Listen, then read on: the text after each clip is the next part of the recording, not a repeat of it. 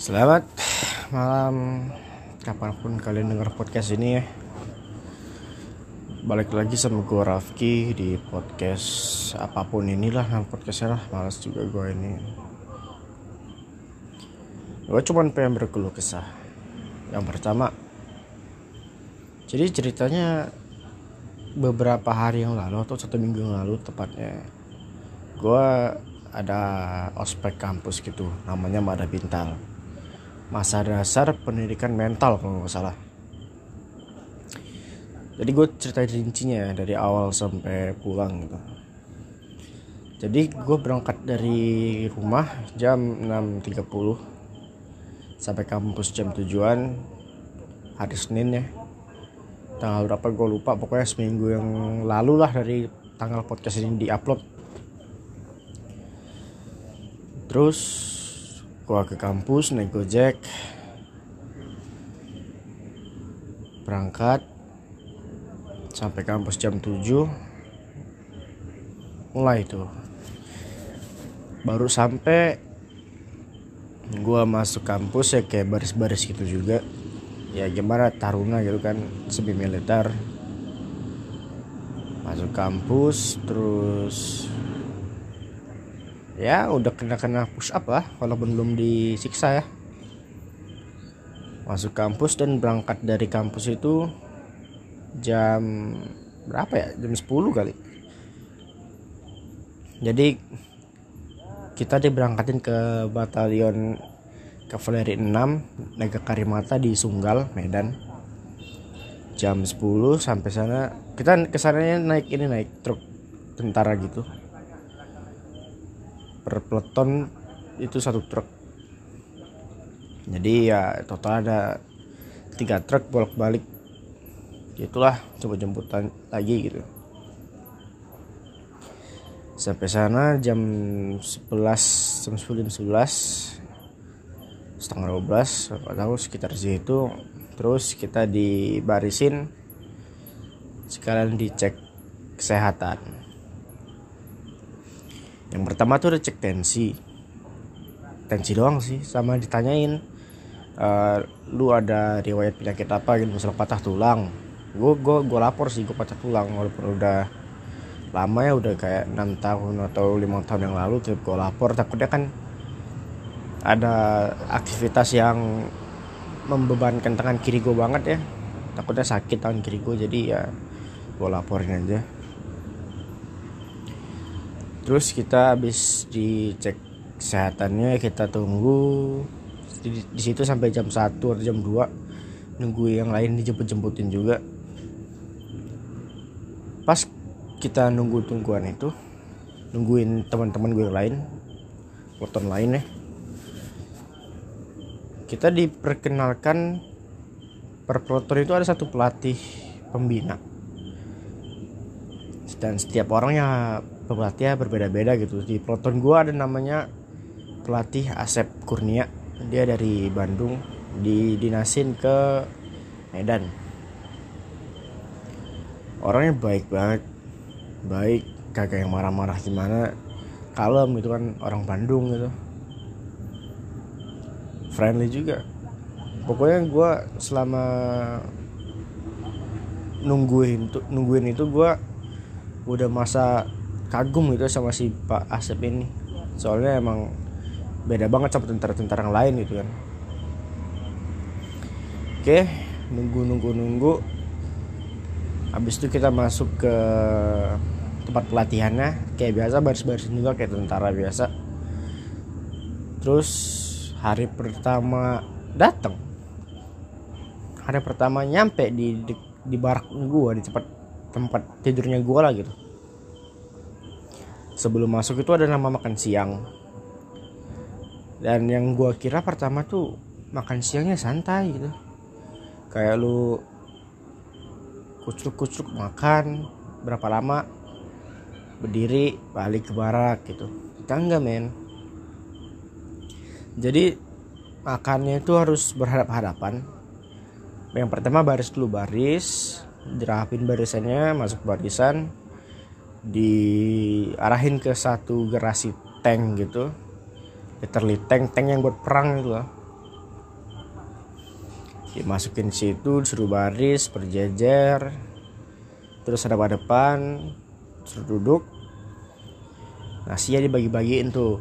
Satu orang satu nasi. Gue gue inget per, lauk pertama tuh lauk di hari pertama tuh ada ayam semur sama apa ya? Mie kalau nggak mie bihun sama nasi sama aqua gelas kecil. Gue adalah pemak tipe pemakan yang lamban ya. Gue makannya santai banget satu satu tapi tergolong cepat lah ya. Tapi ya lamban tapi ya cepat ya tahu gitulah pokoknya. Gue kira makannya santai nih. Udah seneng gue dong gue gue lapar banget soalnya belum sarapan kan. Gue makan ternyata makannya tuh dikasih waktu cuy. Hitungan kelima kalau nggak habis kenal jadi gue pas makan kan hop hop hop hop ke, kagak kunyah. Kunyahnya dikit dikit dikit dikit. Telurnya dikit juga. Jadi nasinya kayak numpuk gitu loh numpuk di mulut. Ya enek. Tapi mau nggak mau harus dihabisin kan soalnya kalau nggak dihabisin ya kena hukuman gitu. Gue selama di situ ya makan tuh nggak pernah habis cuy.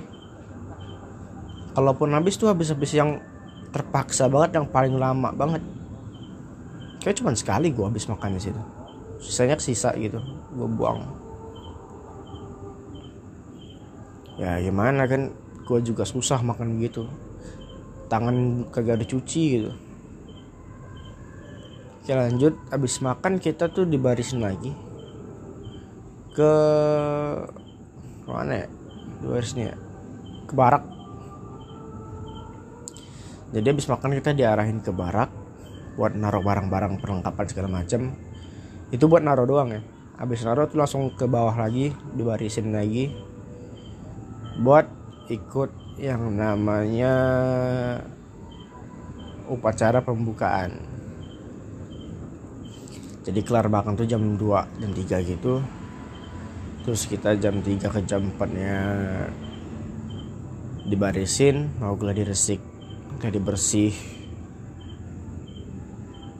upacara pembuka. Ya cukup apa ya? Cukup capek. Sebelum di upacara tuh nggak salah gue ada disuruh lari-larian ditindak gitu lupa sih.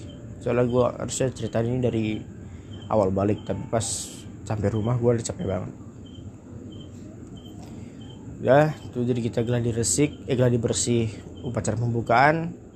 Habis geladi bersih kita upacara pembukaan habis upacara pembukaan itu kita kalau nggak salah makan sore.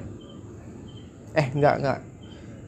Habis upacara pembukaan itu kita itu kan upacara pembukaan kan lapangan bola ya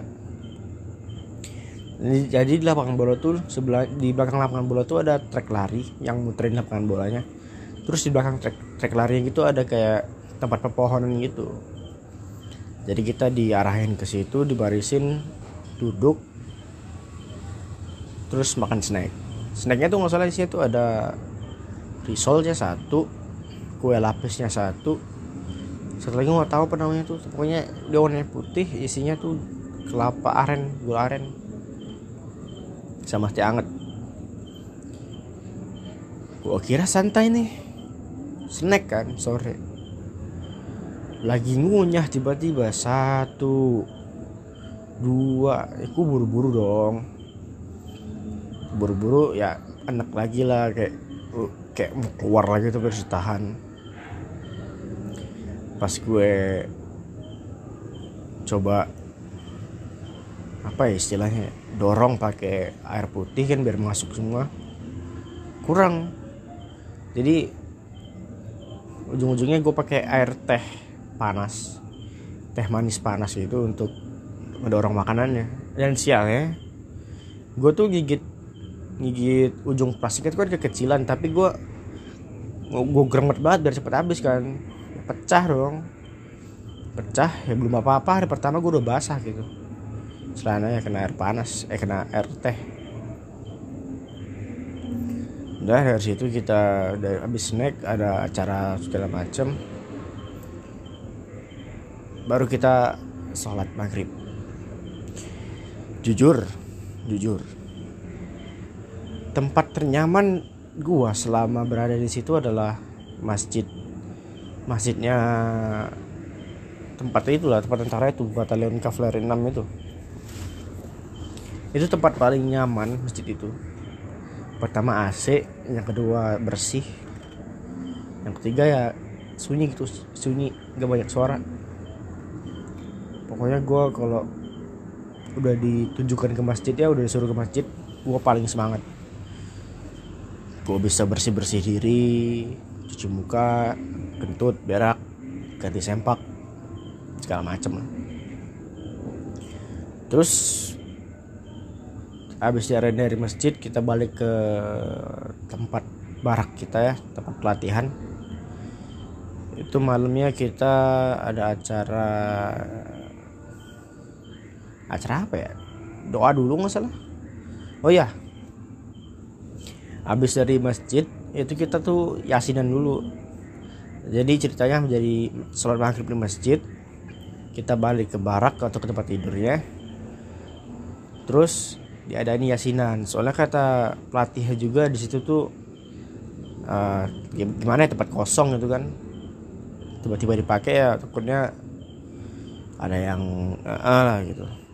Yang serupan segala macam jadi kita yang Nasrani yang Kristen berdoa bersama di bawah dan kami yang Muslim itu ngadain yasinan di atas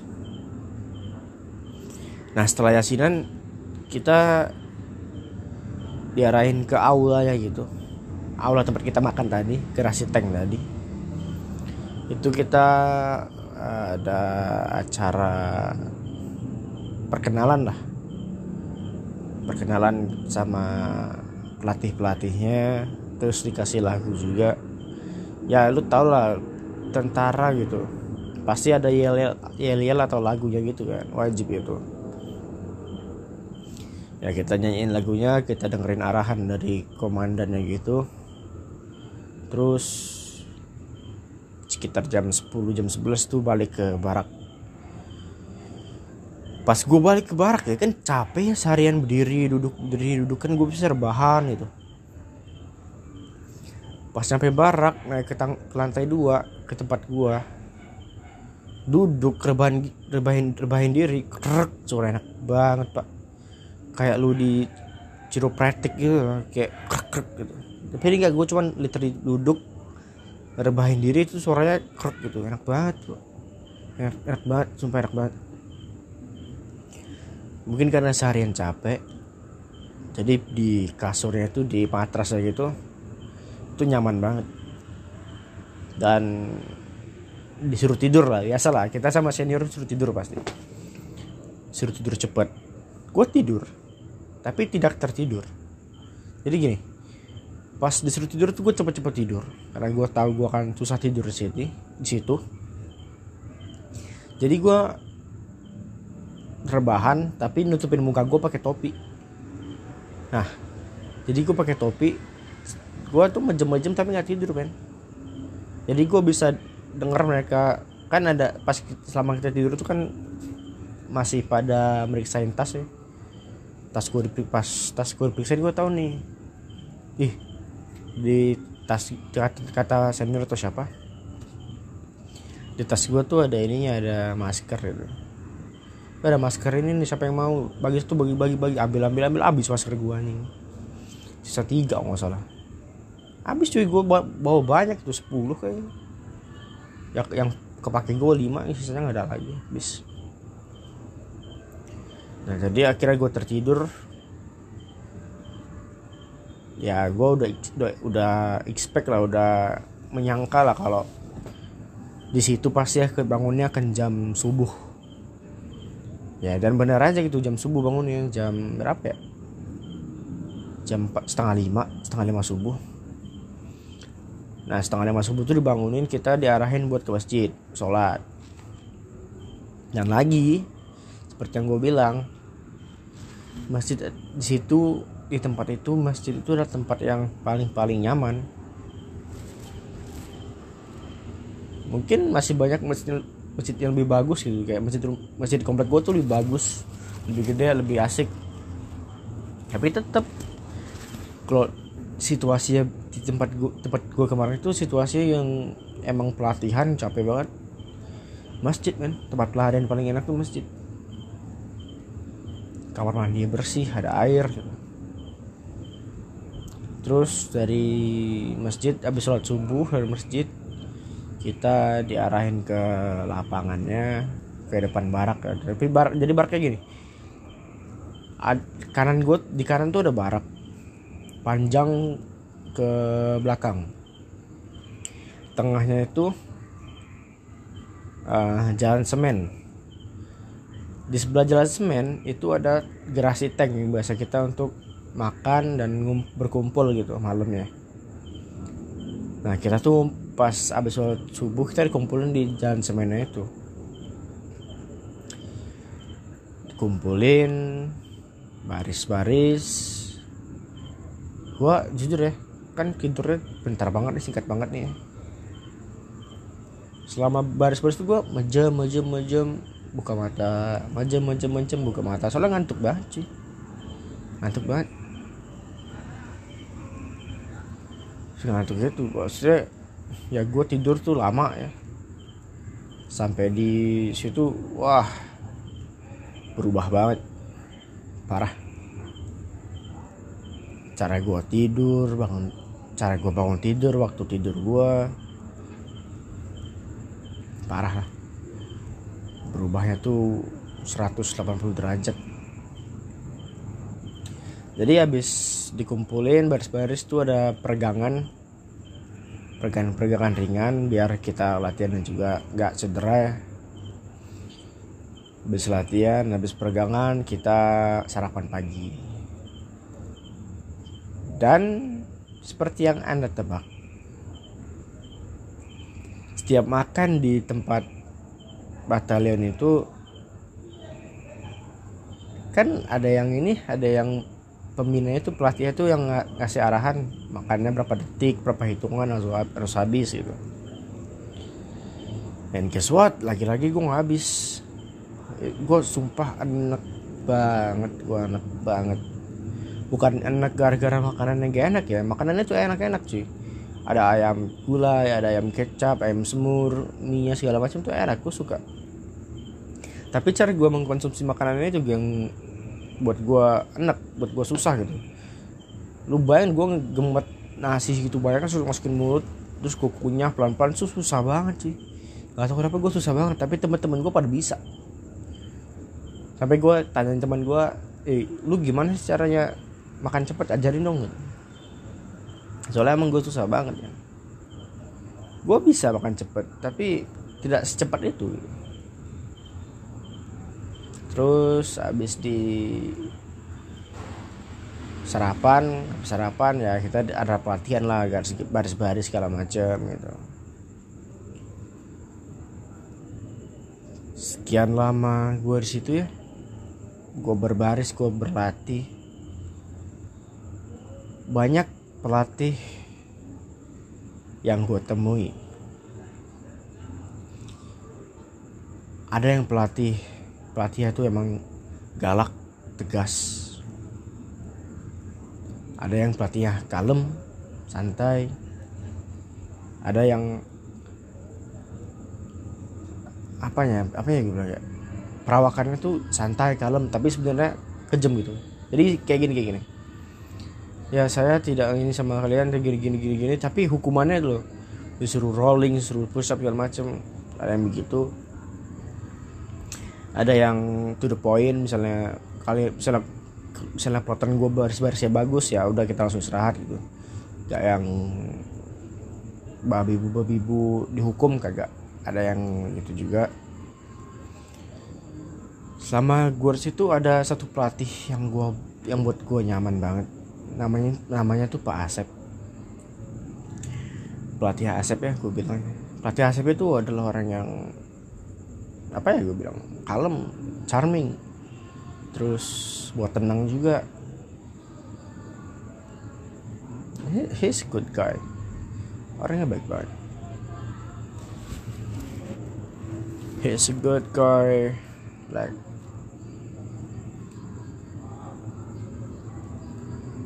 wah kalau ketemu dia tuh bawaannya tenang aja. Kalau misalnya dia yang megang peloton gue tuh bawaan tenang aja gitu. Kalau pelatih yang lain bawaannya deg-degan ya kalau pak pelatih Asep ini tenang gue bawaannya. Karena gue tahu gue nggak akan diapa-apain sama dia. Asal kita bagus kita ikutin arahan dia ya dia tidak akan yang menghukum juga gitu nggak akan dibentak-bentak santai lah. Asik friendly gitu. Pak Asep pelatih Asep.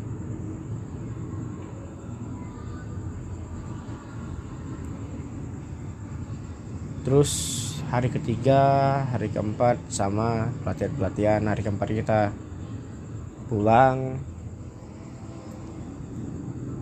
Ya kita pulang. Selama di sana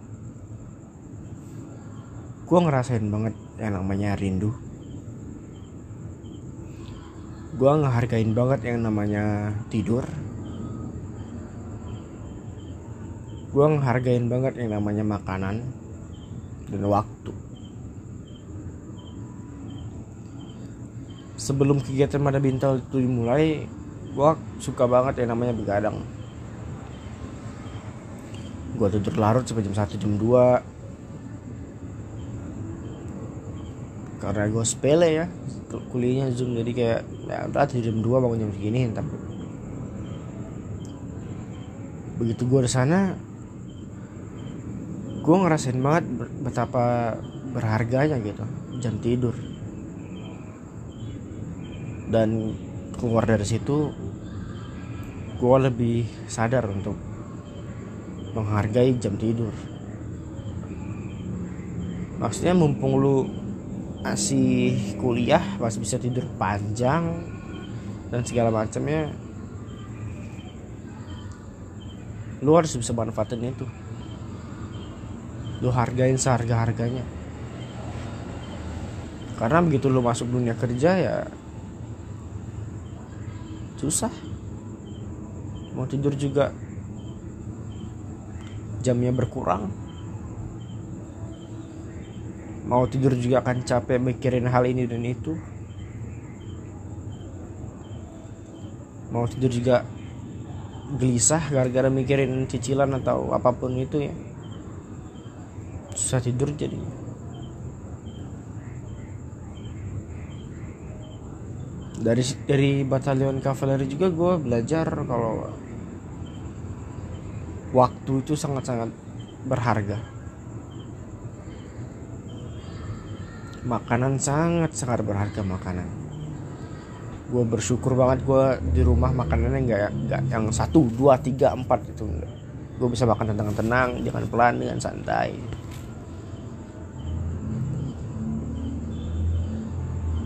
Banyak hal yang bisa disyukurin pas gue di batalion kavaleri gitu. Gitu gue keluar gue sangat sangat bersyukur kalau gue bisa keluar dari situ gue bisa kembali lagi menikmati hari-hari gue hari-hari yang bisa membuat gue merebahkan badan relax tanpa harus terburu-buru. Gue seneng banget gue seneng banget kalau gue gue sadar akan perubahan yang gue alami. Gue bisa jauh lebih menghargai semua hal yang gue punya. Di situ di tempat pelatihan gue banyak yang sepatunya udah pada lepas tapaknya udah pada rusak di hari pertama hari kedua. Dan mereka kesusahan akan hal itu. Gue kadang melihat ke sepatu mereka dan gue lirik ke sepatu gue gue sangat sangat bersyukur karena sepatu yang gue pakai itu nyaman. Sepatu baru sepatu nyaman. Yang lumayan tahan juga. Untuk di Medan ini itu lari juga enak gak sakit kakinya. Gue juga lihat pakaian mereka yang ada yang kasar banget. Ada yang ketat ada yang ke, ke, kebesaran kelebaran kan. Gue bersyukur. Gue bersyukur baju yang gue bawa kemarin itu baju yang bermerek yang sangat-sangat lembut, sangat-sangat halus, sangat-sangat nyaman ketika dipakai. Ya, gue bersyukur. gue bersyukur ketika bokap gue peduli sama gue bokap gue punya pengalaman hal seperti ini bokap gue bisa menuhin kebutuhan gue bokap gue bisa menghibur gue sebelum gue pergi mana bintal. Bisa memenuhi apa-apa yang sekiranya akan dipakai dengan nyaman oleh gue di tempat itu. Gue bersyukur akan hal itu. Bahkan pas gue pulang juga gue langsung ditanyain gimana gimana gimana langsung dipesenin tukang pijet ya soalnya. Capek banget emang masuk angin juga. Gue bersyukur walaupun gue punya ibu tiri tapi dia tetap peduli sama gue dia tahu apa yang gue butuhkan dia tahu apa yang sekiranya baik atau sekiranya bisa menuhin kriteria gue bisa atau mau dibawa ribet nyariin pakaian gua untuk di sana gitu.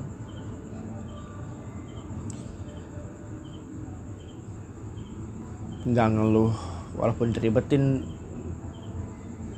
harus beresin tas gua pakaian segala macam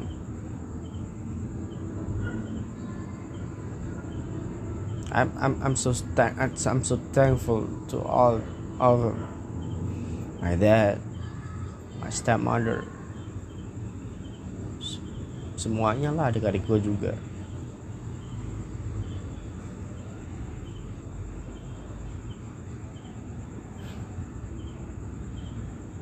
Banyak hal kecil yang gue syukurin juga dari tempat tersebut gitu. Contohnya air minum. Air minum terbatas banget. Jadi kalau kita mau punya minum seharian itu harus stok. Harus beli di kantinnya gitu. Yang biasa gue minum tinggal minum itu kemarin tuh nggak harus di barak dulu baru bisa minum soalnya akan susah kalau gue bawa botol minum ke mana-mana kan. Apalagi kan ya gak enak lah gitu gue minum sendirian teman-teman gue haus. Kan gue juga gak mungkin bagiin aqua botol itu ke 30 atau 20 orang. Karena tidak akan cukup.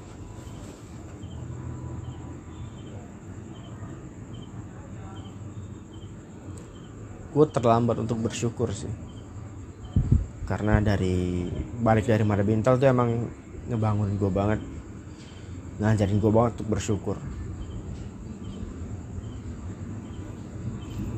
Dan sekarang gue mencoba untuk berubah gue mencoba untuk lebih bersyukur terhadap hal apa pun itu.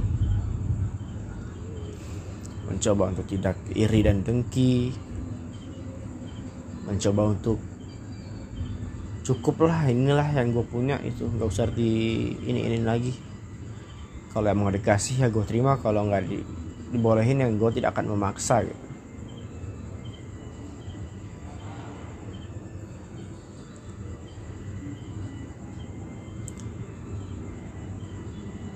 Are so many things happen at there and I uh, it changed me me I don't know for forever or just short term period shit like fuck. Tapi intinya gue akan terus bersyukur.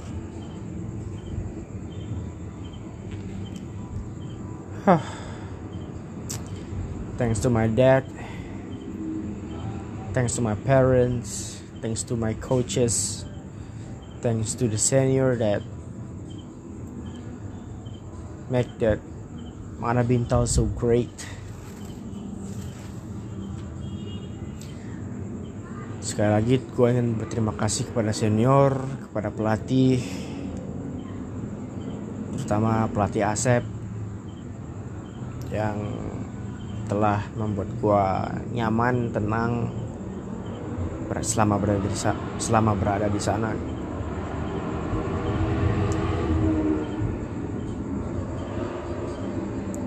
I think that's it